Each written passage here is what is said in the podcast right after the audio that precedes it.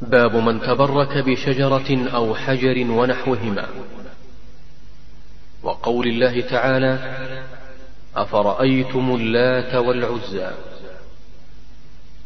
عن أبي واقد الليثي قال خرجنا مع رسول الله صلى الله عليه وسلم إلى حنين ونحن حدثاء عهد بكفر. وللمشركين سدرة يعكفون عندها وينوطون بها أسلحتهم. يقال لها ذات أنواط. فمررنا بسدرة. فقلنا يا رسول الله اجعل لنا ذات أنواط كما لهم ذات أنواط. فقال رسول الله صلى الله عليه وسلم الله أكبر إنها السنن. قلتم والذي نفسي بيده كما قالت بنو إسرائيل لموسى اجعل لنا إلها كما لهم آلهة. قال إنكم قوم تجهلون. لتركبن سنن من كان قبلكم. رواه الترمذي وصححه. يقول رحمه الله باب من تبرك بشجرة أو حجر أو نحوهما كالقبر والصنم ونحو ذلك. والتبرك بها طلب البركة منها كما يفعل عباد القبور وعباد الأشجار والأحجار. ترك الجواب لأنه معلوم المعنى فقد أشرك. باب من تبرك من حكمه أنه قد أشرك. هذا هو جواب من تبرك. باب حكم من تبرك بغير الله أو باب من تبرك بشجر فعل ونحوهما فقد أشرك. ترك الجواب ليتدبر الطالب ويتأمل الطالب الحكم مما ذكر في الآية والحديث. والتبرك بالاشجار والأحجار من طبيعته ومن عمل الجاهلية واخبارهم وأعمالهم المعروفة. فكانوا يتبركون بالاشجار والأحجار والأصنام ويدعونها ويستغيثون بها وينذرون لها إلى غير ذلك. فجاء الله بالإسلام فأبطل ذلك. وبين لهم النبي صلى الله عليه وسلم انها لا تنفعهم ولا تضرهم وأن عملهم هذا باطل وأمرهم بترك ذلك والبراءة من ذلك وأن لا يعبدوا إلا الله وحده سبحانه وتعالى. ومنهم من أجاب وهم السعداء وهم الأقلون ومنهم من كفر وأنكر وهم الأكثرون. قال تعالى وما أكثر الناس ولو حرصت بمؤمنين ولكن العرب الموجودين في الجزيرة أجاب أكثرهم ودخلوا في دين الله بعدما فتح الله مكة ودخل الناس في دين الله أفواجا. قال الله تعالى أفرأيتم اللات والعزى ومناة الثالثة الأخرى ألكم الذكر وله الأنثى؟ تلك إذا قسمة ضيزى المعنى كما قال في التفسير يعني أنا فعلت أم مرت حتى تعبدوها من دون الله. المعنى أنها لم تنفع ولم تضر. أنها ليس عندها فائدة ولكنه الجهل والضلال.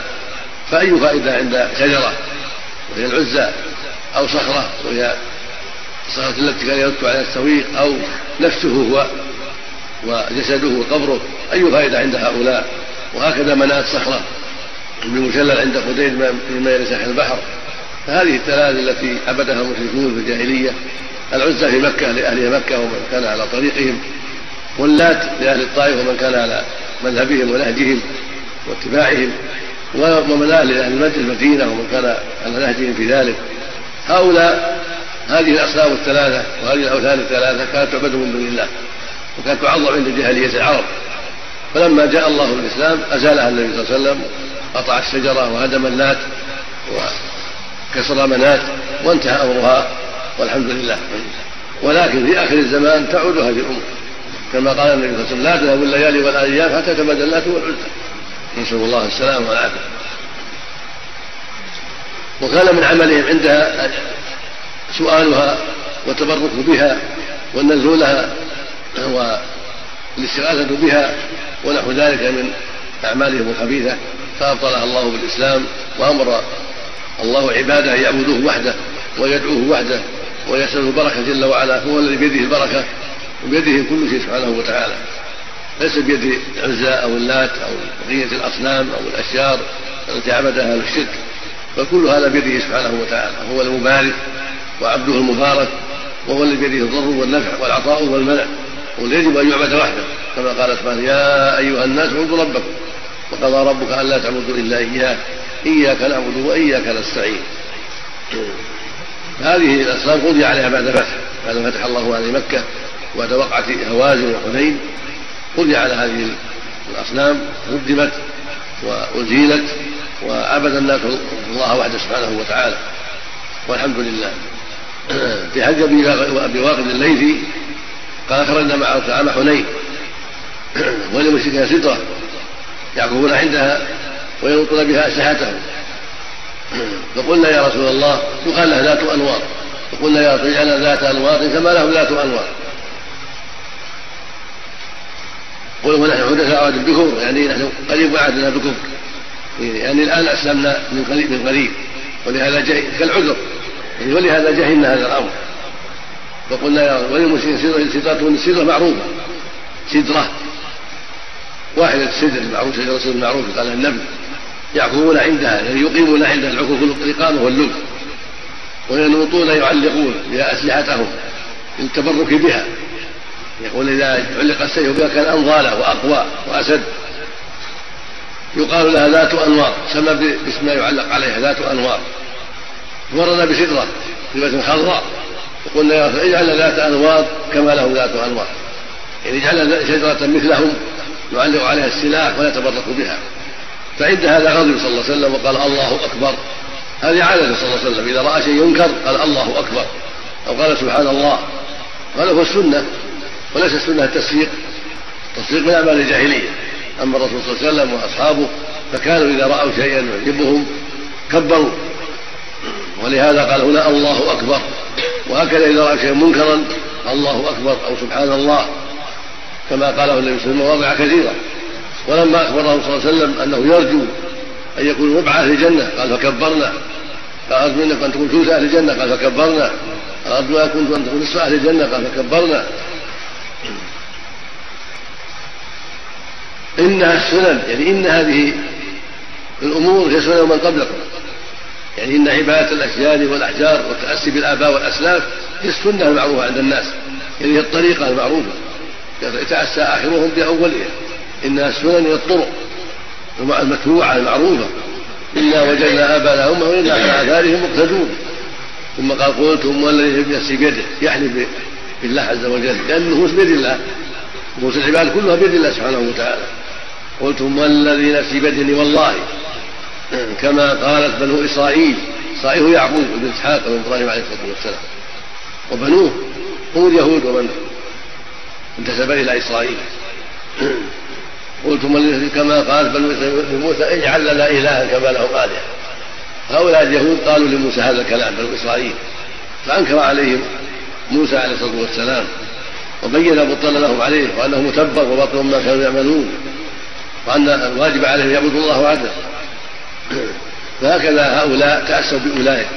وقالوا مثلهم جهلا. لم يعرفوا أن هذا لا يجوز فلهذا قالوا هذه المقالة جهلا. ولهذا قال في أول الحديث ونحن حدث عهد بكفر. يعني قريب عهدنا بكفر لم نتفقه كثيرا. فلهذا خفي علينا هذا الأمر. فأنكر عليه صلى الله عليه وسلم وقال قلتم نفسي بيده كما قالت مسلم تجعلنا إلها كما لهم آلهة. يبين لنا أن الاعتبار بالحقائق والمعاني لا بالألفاظ. وقالوا إذا ذاك أنواط وابن مسعود قالوا أن إلها والمعنى واحد. المعنى جعل شيء نعبده ونعظمه ونتبرك به كما فعل بنو إسرائيل لموسى حين قالوا جعلنا إلها كما لهم آله هذا يبين أن العبرة بالمعنى والحقائق لا بالألفاظ المجردة. فإذا قال الإنسان الباطل بأي له فهو باطل. وإن كان ليس لفظ الأولين السابقين.